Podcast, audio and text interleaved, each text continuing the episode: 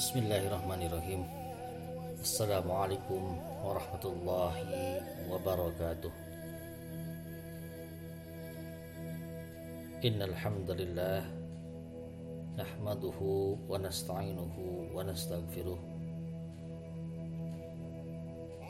ونعوذ بالله من شرور أنفسنا ومن سيئات أعمالنا من يهد الله فلا مضل له ومن يضلله فلا هادي له أشهد أن لا إله إلا الله وحده لا شريك له وأشهد أن محمدا عبده ورسوله لا نبي بعده أما بعد Selamat berjumpa kembali dengan saya Dianur Rahman di Anchor FM Kali ini dengan podcast tentang Introduction to Criticism khususnya yang berkaitan dengan topik terakhir sebelum UTS atau topik uh, ketujuh yaitu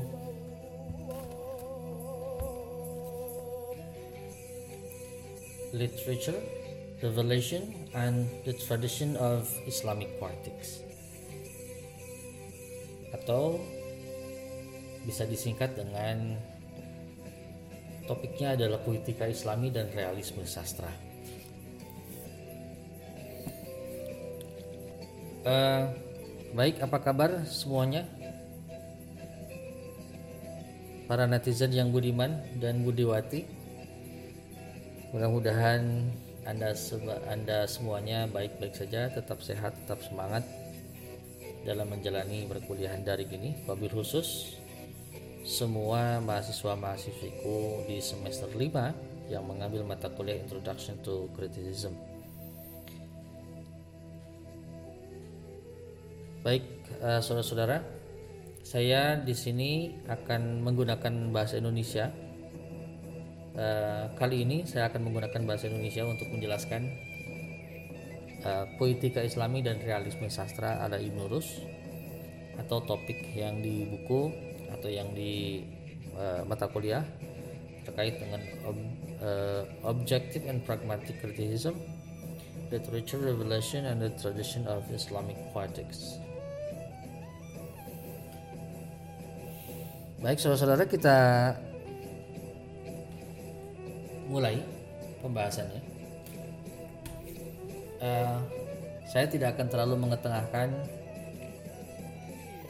biografi Ibn Rus karena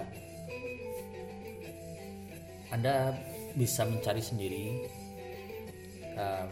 informasi-informasi um, yang sangat mendetail terkait dengan biografi Ibn Rus. Yang jelas Ibn Rus atau yang di dunia barat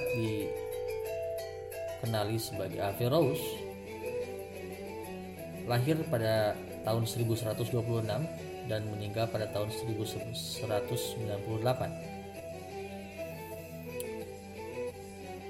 Ibn Rus tentunya dikenal sebagai filsuf dan ahli hukum Islam. Dikenal di dunia barat juga karena terutama eh, karena keunggulan komentarnya terhadap Aristoteles dan teks-teks Yunani yang lainnya ter, uh, tentunya terhadap Plato juga. Cuma yang paling banyak beliau terjemahkan dan beliau komentari adalah teks-teksnya Aristoteles. Oh ya, ini kreditnya perkenalkan Kiai Kanjeng MH Inul Najib ya.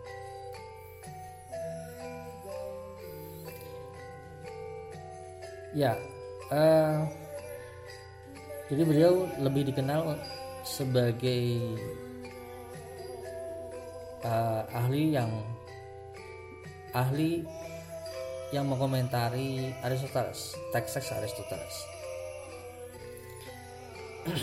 Sebagaimana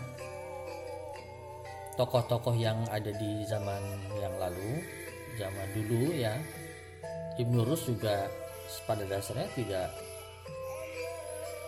uh, apa tidak berkutat hanya di bidang satu bidang ilmu saja. Ibnu Rus dikenal sebagai filsuf, ahli hukum Islam, sebagai uh, hakim, sebagai penyair, sebagai sastrawan, seniman, juga sebagai uh, ahli ilmu fisika, kimia, kedokteran dan sebagainya. Dan ia telah membekaskan pengaruh yang luar biasa terhadap abad pertengahan dan renaissance Eropa tentunya. Abad pertengahan ya. Jadi ini later middle age ya. Kalau pekan kemarin itu uh, early middle age Saint Augustine ya Santo Agustinus. Dan sekarang itu later middle uh, later middle ages atau uh, abad pertengahan akhir menjelang renaissance ya. jadi renaissance Eropa itu salah satunya dalam uh, konteks sejarahnya tentu dijembatani oleh intelektual-intelektual muslim. Itu tidak bisa dipungkiri sejarah berkata seperti itu bahwa ada Ibnu Rus, ada Ibnu Sina atau Avicenna ya di dunia baratnya kenal Avicenna. Kemudian ada Al-Farabi, ada Al-Kindi, ada Ibnu Arabi dan yang lain-lain tentunya. Ada Al-Khwarizmi ya. Banyak ya intelektual-intelektual muslim pada abad pertengahan yang memang mereka tinggalnya di sebelah bagian barat di, di dunia Eropa memang. Di, di, di Spanyol ya Cordova. Dan uh, itu adalah sekilas tentang sejarah bagaimana intelektual Muslim itu membekaskan pengaruh yang luar biasa terhadap abad pertengahan dan Renaissance Eropa. Dan tentunya di mana Ibn Rus ini mendapatkan pengakuan yang luas uh, apa di antara para sarjana Yahudi dan Kristen banyaknya ya. Justru. Hampir seluruh komentarnya terhadap Aristoteles dan yang dia tulis dalam bahasa Arab tentunya diterjemahkan ke dalam bahasa Latin termasuk yang kita bahas sekarang ini. Diterjemahkan ke Latin oleh Hermanus Alemanus. Ya, ya um, ketika diterjemahkan ke dalam bahasa Latin dan kemudian dibaca oleh banyak orang ini kemudian menggerakkan um, menggerakkan banyak pengikutnya atau murid-muridnya untuk membentuk aliran Averroism yang kemudian di ban ya pada saat itu oleh oleh Katolikisme tentunya dianggap dianggap kafir ya karena menentang logika-logika gereja pada saat itu. Ya walaupun begitu Ibnu Rus ternyata tidak terlalu mendapat tempat yang layak di dalam wacana filsafat Islam. Hal ini dikarenakan banyak sekali fitnah yang dialamatkan kepada Ibnu Rus sebagai seorang intelektual sebagai seorang sarjana muslim yang katanya terlalu mengagungkan akal di atas wahyu. Padahal fitnah-fitnah itu tidak dapat dipertanggungjawabkan sama sekali ya saudara-saudara ya. Uh, Ibn itu orang yang sangat berpegang teguh pada akidah Islamiyah uh, ahlus sunnah sebetulnya bahkan uh, fikih yang yang dia tulis buku fikih yang dia tulis yang berjudul Bidayatul Mujtahid itu adalah buku fikih pertama yang secara komprehensif mengulas perbedaan pendapat dari empat imam madhab ahlus sunnah ya. Dari mulai pendapat Imam Hambali yang paling senior kemudian Imam Malik Imam Maliki kemudian Imam Hanafi dan kemudian Imam Syafi'i yang paling muda. Uh, silakan anda cari informasi terkait buku fikih uh, karya Ibnu Rus ini ya yang berjudul Bidayatul Mujtahid dan itu membuktikan bahwa pada dasarnya Ibnu Rus memang tidak tidak seperti yang difitnahkan orang bahkan uh, buku yang menentang tulisan Al Ghazali atau buku Al Ghazali yaitu uh, Tahafud at Tahafuz sebagai sebagai bantahan terhadap buku Al Ghazali yang berjudul Tahafud Al Falasifah atau kerancuan para filsuf atau kerancuan filsafat itu dibalas di, di, di apa dibantah oleh Ibnu Rus di dalam buku Tahafut Tahafut yang sesungguhnya di buku itu dijelaskan bahwa keberatan Al Ghazali terhadap filsafat itu tidak beralasan. Bahkan di tulisan yang paling akhir uh, Ibnu Rus yang berjudul uh, Faslul Maqal itu Eh, sangat-sangat menyelaraskan bagaimana akal itu tidak pernah bertentangan dengan wahyu. Seperti itu. Ya baik saudara, uh, kita masuk pada konteks inti dari pembicaraan dari uh, diskusi kita atau dari podcast saya sekarang. Uh, ada tiga tesis utama dalam karya Ibnu Rus yang berjudul Talkhisul Kitab Aristoteles fi al-Shir. Uh, judul judul buku dari karya Ibn Rus ini judulnya adalah Talkhisul Kitab Aristoteles fi al-Shir atau yang diterjemahkan ke dalam bahasa Inggris kita namakan dengan Commentary on Aristotle's Poetics. Buku itu paling tidak mencerminkan argumentasi-argumentasi Ibn Rus yang lebih ingin menyapa tradisi pembacaan Arab di abad pertengahan terhadap teks-teks Yunani. Dan tentunya tradisi ini adalah tradisi pembacaan yang disandarkan pada model keseimbangan antara akal dan wahyu seperti yang tadi saya ungkapkan. Setelah saya membaca beragam referensi dan juga alhamdulillah saya menemukan atau mendapatkan teks terjemahan uh, Inggris. Sebetulnya ini distorsinya cukup banyak ya.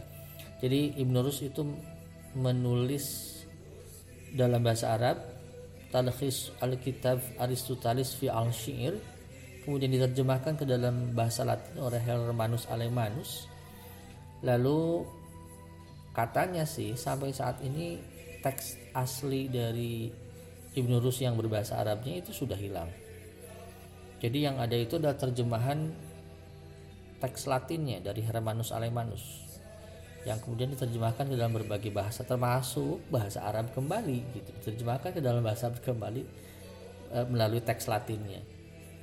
Jadi ya kalau misalnya distorsinya cukup banyak ya wajar ya saya mendapatkan terjemahan Inggrisnya yang terjemahkan dari bahasa Latin. Uh, tapi penjelasan ini tentunya akan saya sandarkan langsung pada reinterpretasi dari M.A.R. Habib seperti yang ada di buku saya. Jadi saya tidak akan terlalu melenceng jauh dari situ. Ya, uh, saudara-saudara,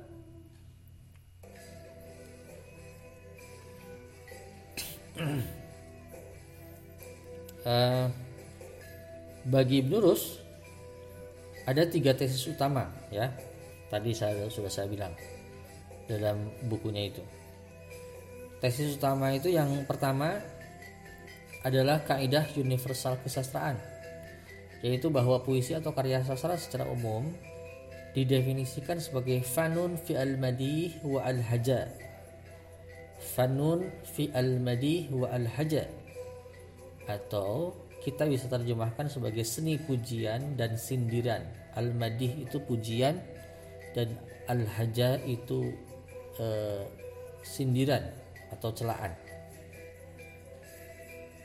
Jadi pujian dan sindiran atau pujian dan celaan atau dalam bahasa Inggris seperti yang uh, Anda baca di buku saya itu menjadi praise and blame atau praise and satire. Sebetulnya yang yang cukup cocoknya itu satire ya karena katanya bahasa Arabnya itu Ibnu Rusya menulisnya di menggunakan kata al-haja.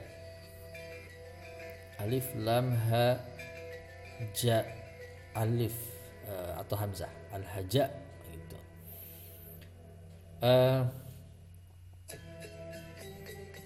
al-haja itu kalau anda cek di di di Google Translate itu menjadi satire ya. Atau kalau anda menulis satire dalam bahasa Inggris, kemudian target language-nya adalah bahasa Arab, anda akan temukan bahwa itu adalah uh, apa uh, al-haja seperti itu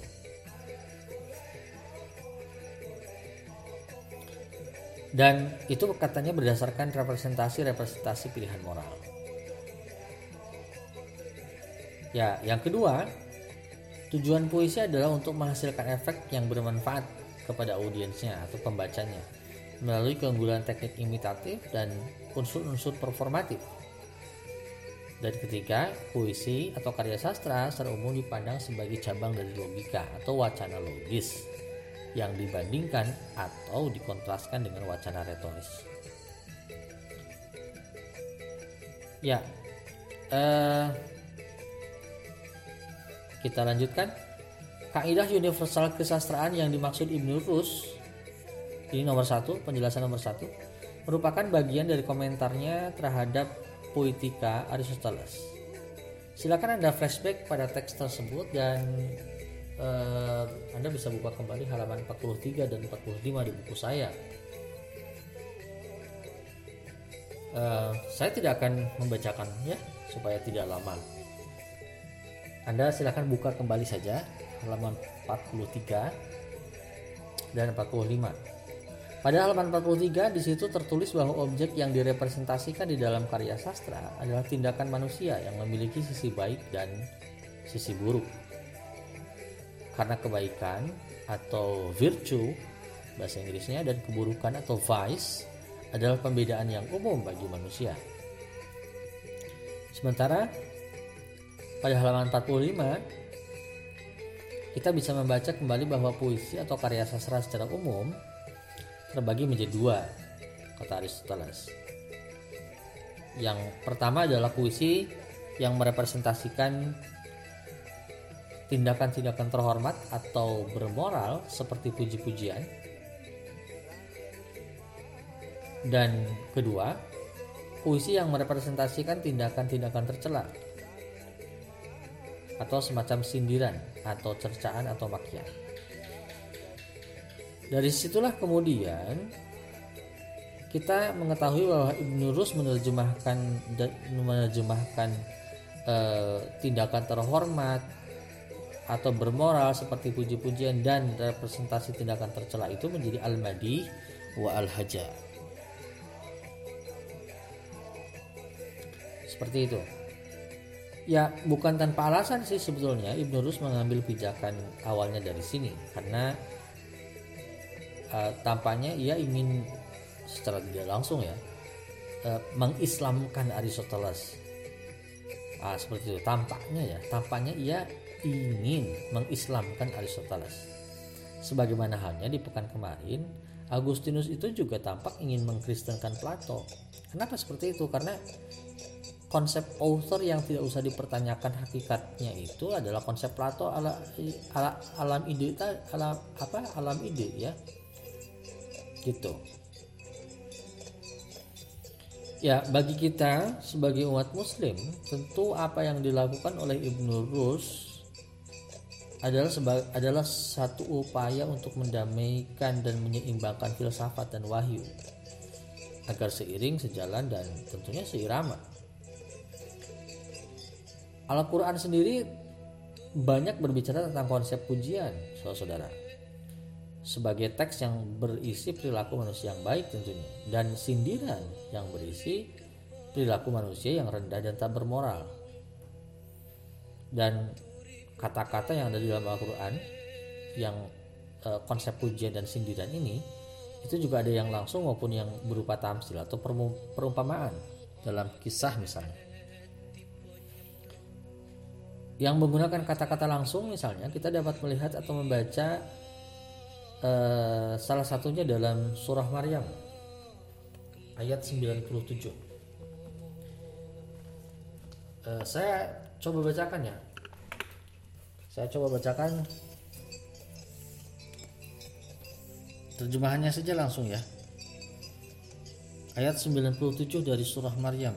Maka a'udzubillahi maka sesungguhnya telah kami mudahkan Al-Quran itu dengan bahasamu agar kamu dapat memberi kabar gembira dengan Al-Quran itu kepada orang-orang yang bertakwa dan agar kamu memberi peringatan dengannya kepada kaum yang membangkang. Ini sini ada dua ada dua tesis yang yang tentunya Allah turunkan dan melalui ayat ini.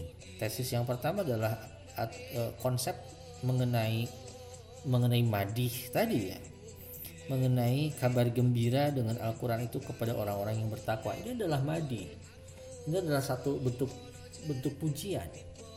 Dan yang kedua adalah agar kamu memberi peringatan dengannya kepada kaum yang membangkang. Dan ini adalah haja. Nah seperti itu ya. Kalau uh, saya umpa, bukan umpamakan saya saya tafsirkan saya kaitkan dengan dengan Al-Quran secara langsung itu yang itu yang langsung ya menggunakan kata-kata langsung. Sementara dia yang yang lain juga banyak. Ya sementara yang tidak langsung itu ya kita bisa membaca saja dari beragam kisah ya. Dari beragam perumpamaan tamsil perumpamaan surga dan neraka misalnya. Kemudian kisah dari kisah para nabi ada nabi Yusuf Khidir nabi Lut Nuh, uh, Lukman ya sebagai orang yang memiliki hikmah uh, yang mengajarkan anaknya dengan hikmah ya di surah Lukman itu. Kemudian ada Ashabul Kahfi, ada surah ada Maryam juga dan yang lain-lain dan itu menjadi menjadi satu kesatuan ya. Ada ada madi dan ada haja seperti itu. Baik, saudara kita lanjutkan. Seturut dengan Aristoteles, uh, Ibn Rus juga meyakini bahwa karya sastra itu haruslah mengimitasi atau merepresentasikan dua hal. Baik secara terpisah maupun bersamaan di dalam satu karya tertentu. Kebaikan dan kejahatan atau keburukan adalah dua sisi kehidupan yang harus menjadi dasar dari kemunculan rasa belas kasih dan rasa takut pity and fear ya. Pity and fear ala Aristoteles. Pity and fear dan di situ uh, kita juga menemukan konsep yang sama. Al-Quran juga sama ya.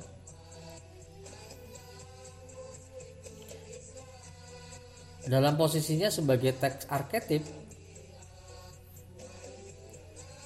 uh, yang tidak tahu teks arketip teks uh, apa arketip itu adalah prototipe ya, pola dasar, model utama gitu, yang yang banyak ditiru.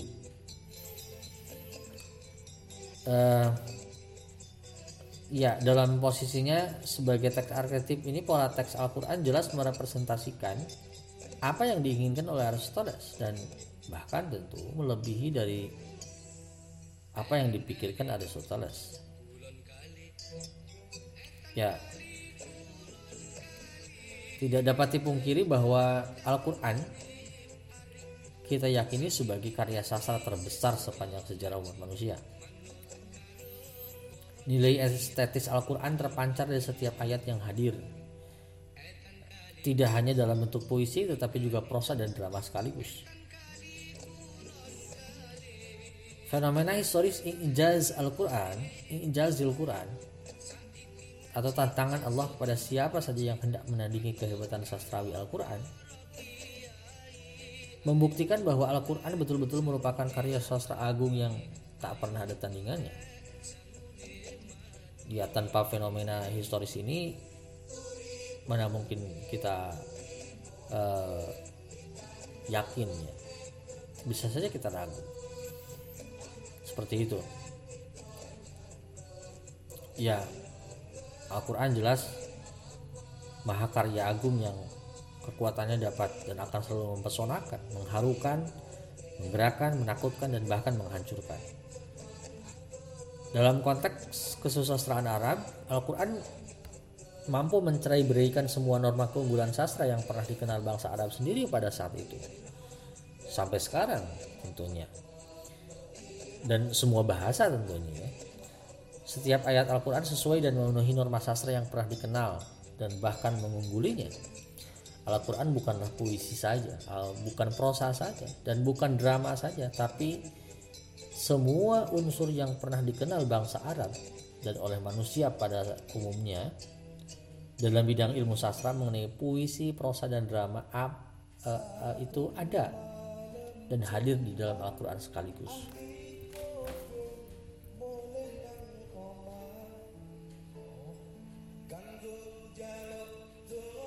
Misalnya gini ya, saudara, bahasa Al-Quran itu bisa diawali dengan dengan poetik, tapi bisa berakhir secara dramatik atau kedua-duanya.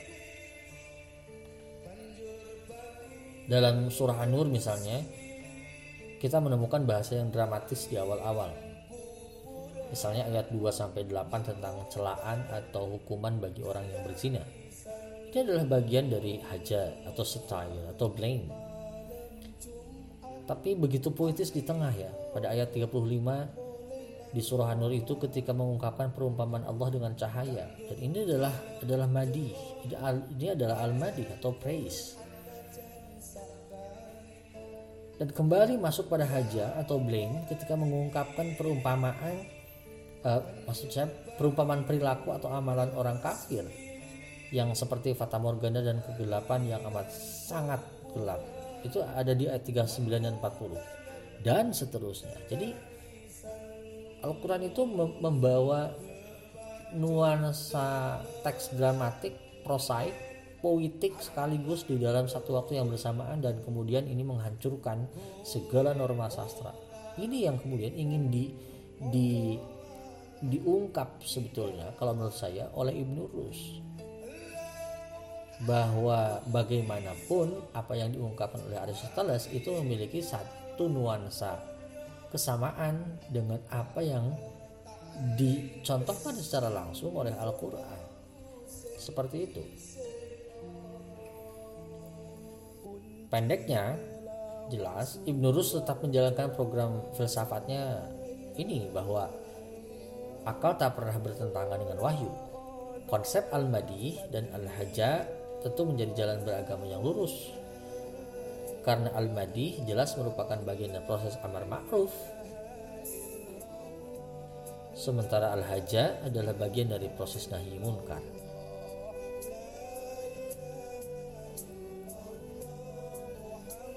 Nah ini ini adalah ini adalah al-madih ya.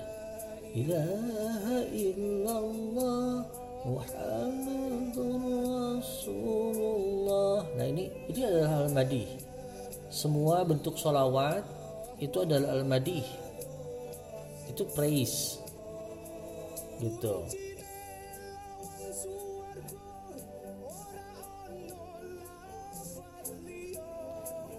Kuncine lawang suargo oro ora ono lafad liyo.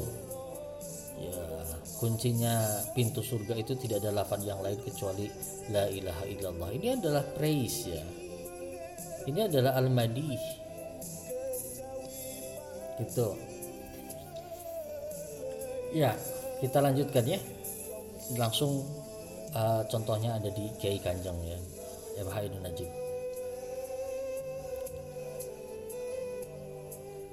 Ya, dalam konteks inilah Ibnu Rus kemudian memberikan penekanan yang besar akan arti penting dari konsep realisme dalam bersastra. ketika Aristoteles dalam poetiknya berbicara mengenai sastrawan yang harus merepresentasikan yang mungkin the probable Ibn Rus bahkan menuntut bahwa sastrawan justru hanya mengikut sertakan representasi nyata atau true representation. True representation ini adalah bahwa karya sastra justru hanya berbicara mengenai hal-hal yang ada dan boleh ada dalam kenyataan.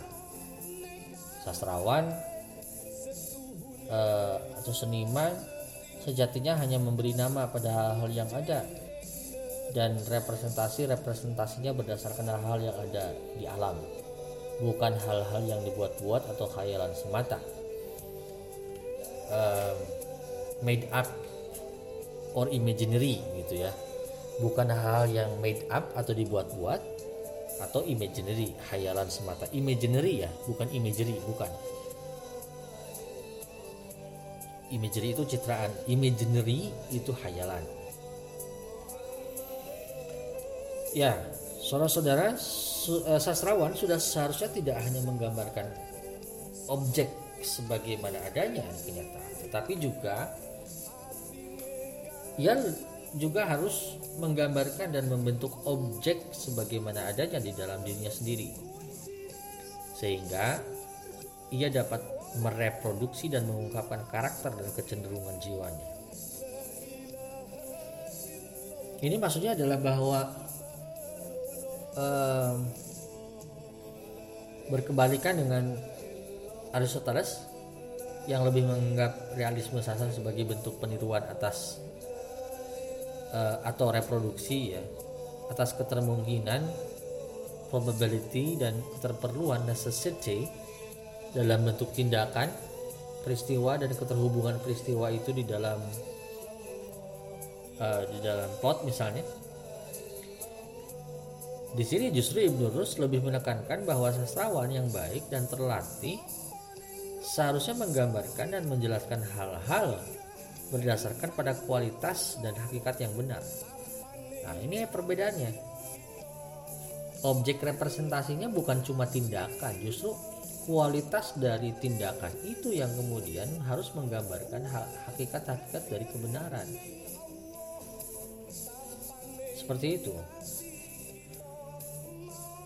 Kemudian untuk menunjang realisme sastra ini, ya Ibn Rus juga sepakat dengan Aristoteles bahwa sebuah karya sastra haruslah memiliki kesatuan moda representasi yang terdiri atas unsur imitatif sebagai sarana representasi. Nah, ini terkait dengan bahasa poetik ya, yang cenderung representasional, bukan bukan retoris, bukan persuasif.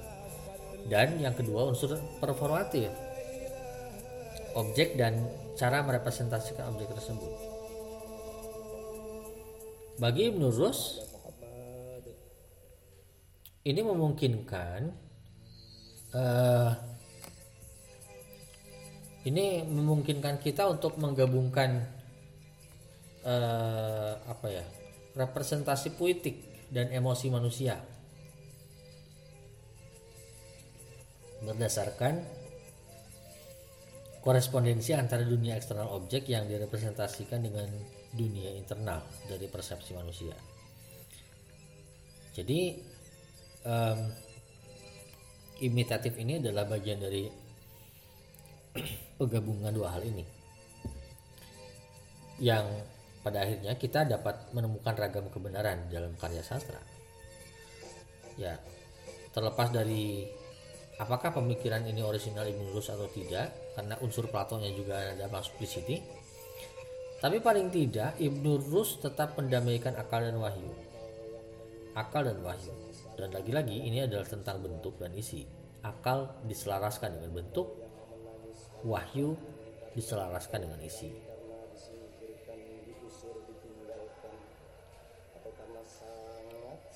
Dari sinilah kita akan bergerak pada konsep atau tesis yang ketiga tentang bahasa dan atau wacana sastra. Ya, dalam hal ini Ibnu Rus sangat mempertahankan wahyu dalam jejak komentarnya terhadap Aristoteles ini. terutama ketika ia memberi penekanan terhadap konsep bahasa puitik. Ya bahasa puitik itu bahasa sastra ya maksudnya. Bagi menurus bahasa puitik atau poetics adalah bahasa kebenaran yang tentunya dapat dikontraskan dengan bahasa retorik. Bahasa retorik ini lebih banyak digunakan sebagai upaya untuk meyakinkan kebenaran ketimbang merepresentasikan kebenaran. Pandangan ini jelas merujuk pada uh, ya tadi ya yang saya ungkapkan tadi uh, pandangan umum ter, uh, pandangan umum para pemikir Muslim yang menganggap Al-Quran sebagai teks arketip teks arketip untuk teks arketip untuk sastra gitu. Bahwa eh, apa teks arketip ini menyediakan atau Al-Quran ini sebagai teks arketip menyediakan pola-pola dasar kesastraan yang jelas dan sangat kaya. Ya, kesusastraan Arab pasca lahirnya Islam, pasca lahirnya Al-Quran tentunya banyak banyak dipengaruhi sampai saat ini oleh oleh Al-Quran. Ya dalam konteks inilah maka kemudian Ibnu Rus memandang bahwa bahasa Al-Quran menjadi bahasa standar atas semua tuturan bahasa sastra yang merepresentasikan kebenaran untuk diresapi dan dipikirkan ketimbang meyakinkan pembacanya akan satu kebenaran tertentu. Kalau kita membaca beragam surah, beragam ayat di dalam Al-Quran, banyak kita jumpai uh, aspek representasional ini. Ya. Yang yang justru melahirkan gambaran kenyataan. Eh, yang tampak jelas gitu. Ketimbang bahwa meyakinkan bahwa ini adalah satu kebenaran. Gagal gitu. Gitu. Gambaran mengenai hal-hal yang bersifat retoris misalnya untuk meyakinkan bahwa uh, Tuhan menciptakan alam dan isinya dan sebagainya itu tetap saja gambaran representasionalnya itu lebih lebih dominan gitu ketimbang ketimbang bahasa retorik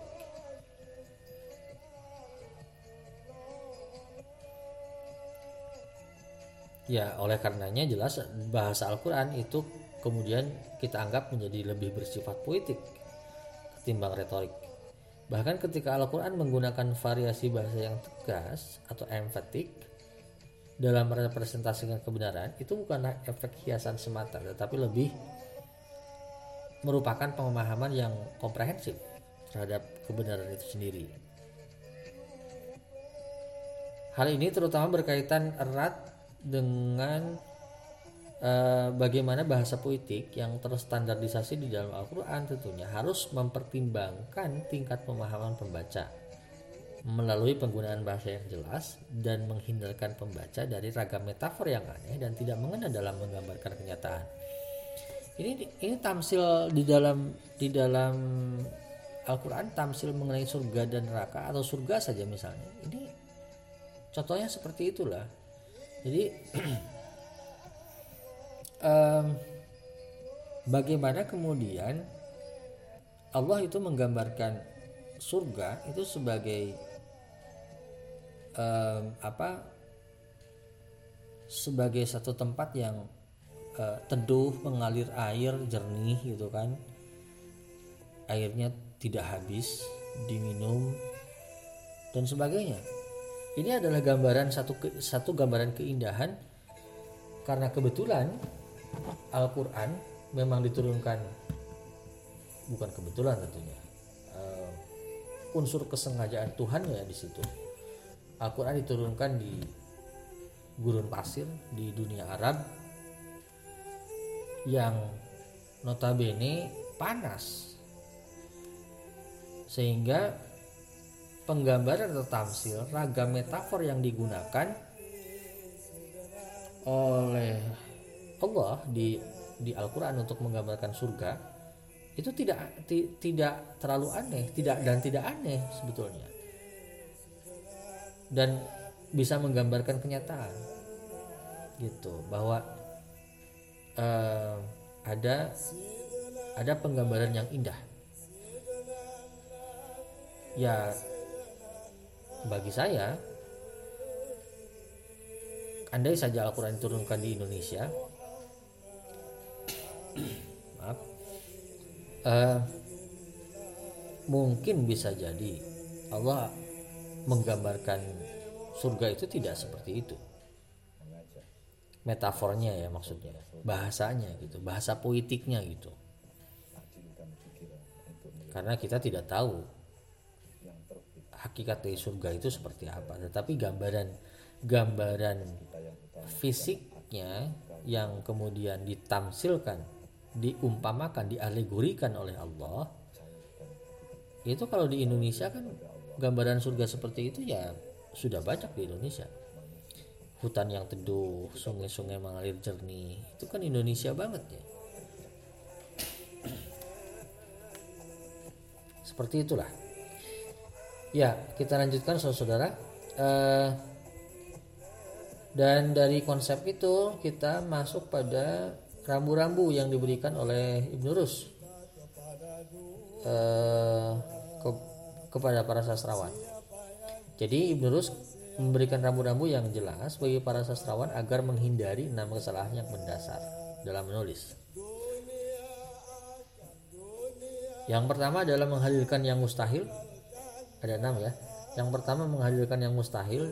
Menghadirkan yang mustahil itu manusia jadi Tuhan misalnya gitu kan. Manusia digambarkan memiliki kemahapekasaan seperti Tuhan. Nah itu itu kan mustahil gitu. Atau misalnya eh, apa Tuhan digambarkan sebagai yang menikah punya anak. Itu kan mustahil gitu. Nah itu itu tidak boleh itu makanya Ibnu Rus juga mengecam karya-karya Homerus ya yang menggambarkan para dewa itu sebagai layaknya seperti manusia. Itu yang pertama. Yang kedua mengubah gambaran kenyataan. Gambaran mengubah gambaran kenyataan itu seperti ini. Contohnya anda bikin bikin gambar pohon pisang. Daunnya itu daunnya di, dibentuk seperti daun kelor gitu atau seperti bayam. Nah itu mengubah gambaran kenyataan itu nggak boleh gitu. Jadi kalau mendeskripsikan pohon pisang nggak deskripsikan sebagaimana halnya anda kita semua melihat pohon pisang. Nah itu itu mengubah gambaran kenyataan nggak boleh kemudian menghadirkan wujud atau makhluk rasional dengan wujud atau makhluk yang irasional. Putri duyung. Atau di dalam bahasa Hores ini ini kajian Hores juga sebetulnya ya. Jadi saya yakin Ibnu Rus juga membaca Hores. Uh, coba saya anda bisa buka juga uh, yang Hores. Uh, yang menempatkan menempatkan apa sih katanya ya?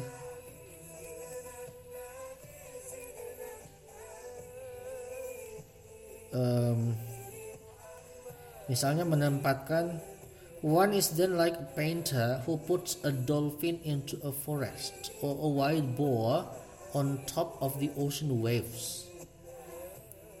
Put a dolphin into a forest. Kan kan nggak rasional itu gitu. Atau misalnya putih duyung atau misalnya uh, kayak sphinx gitu kan di Mesir gitu. Um, kepala manusia badannya singa gitu kan. Itu itu nggak boleh menghadirkan wujud atau makhluk rasional dengan wujud atau makhluk yang irasional. Kemudian membandingkan satu hal dengan yang sebaliknya. Itu yang ke Empat, yang kelima, menggunakan kata-kata yang memiliki mana ambigu. Metafor itu tidak harus ambigu ya. penggunaan figuratif language metafor metonimi uh, simili imagery dan sebagainya personifikasi misalnya personification misalnya itu nggak harus ambigu jadi ada ada ada apa ya? Harus dibedakan antara ambiguitas dengan penggunaan figuratif language gitu. Penggunaan figuratif language di dalam sastra tidak mesti harus ambigu. Gitu maksudnya. Jadi ketika ada tamsil ada perumpamaan metafor ada simili yang digunakan itu tidak ambigu dan kita bisa melihatnya lagi-lagi membacanya di dalam Al-Quran. Al-Quran tidak ada yang ambigu. Gitu. Kalau yang tidak bisa dijelaskan oleh manusia iya. Tetapi itu tidak ambigu. Gitu. Alif lam mim nun misalnya. Alif lam ra yasin. Itu adalah ayat mutasyabihat yang yang relatif. Hanya Allah yang tahu. Manusia tidak diberi pengetahuan yang banyak mengenai itu. Para tafsir Al-Quran juga eh, tidak tidak pernah banyak mengungkapkan mengenai misteri misteri di balik eh, awal surah atau ayat-ayat yang seperti itu. Gitu ya. Ya surga dan neraka misalnya gambaran itu pun adalah ayat mutasyabihat tetapi ayat mutasyabihat yang kemudian digambarkan melalui tamsil itu uh, itu yang kelima dan terakhir memilih retorika persuasif ketimbang politika representatif. Nah ini nggak boleh. Jadi nggak boleh menggunakan retorika persuasif tapi harus menggunakan politika representatif yang representasional bersifat imitatif. Gitu dan bagi Ibn Rus, sastrawan dilarang untuk menuliskan rekaan poetik atau poetic fiction, kebohongan poetik lah ya, maksudnya. Kecuali rekaan dalam tujuannya untuk amar ma'ruf nahi mungkar.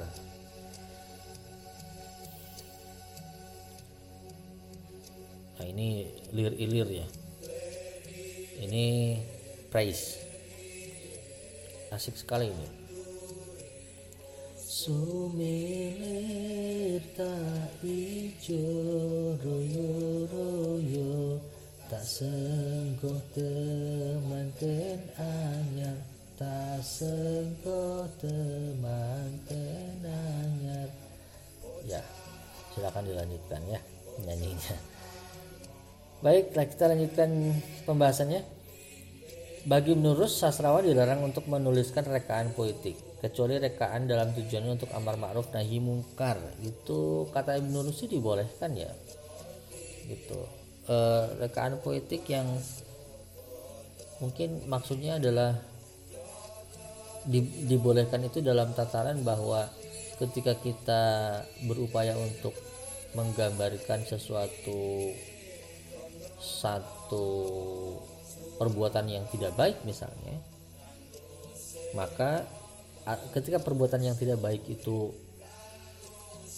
dilakukan oleh tokoh gitu kan yang kita reka untuk mencapai efek bahwa uh, ini ini tidak baik ini adalah blame ini adalah ini adalah apa tercela gitu kan perbuatannya kan itu tidak tidak apa-apa gitu jadi kalau di dalam sebuah novel ada perbuatan-perbuatan tercela, selama perbuatan tercela itu dalam pengertian untuk menumbuhkan efek eh, dramatik yang memunculkan pity and fear dan kemudian memunculkan katarsis bagi kita, itu tidak apa-apa.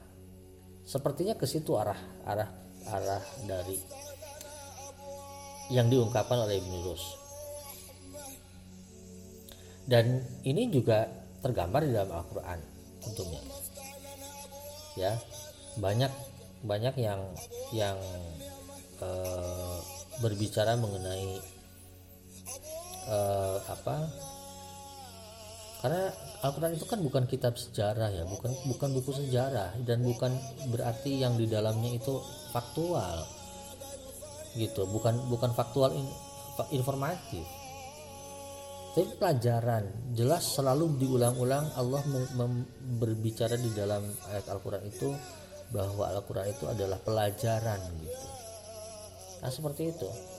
Jadi uh, ya fiksi Al-Quran itu fiksi jadinya. Fiksi dalam pengertian bahwa itulah rekaan Allah untuk memberikan pelajaran kepada kita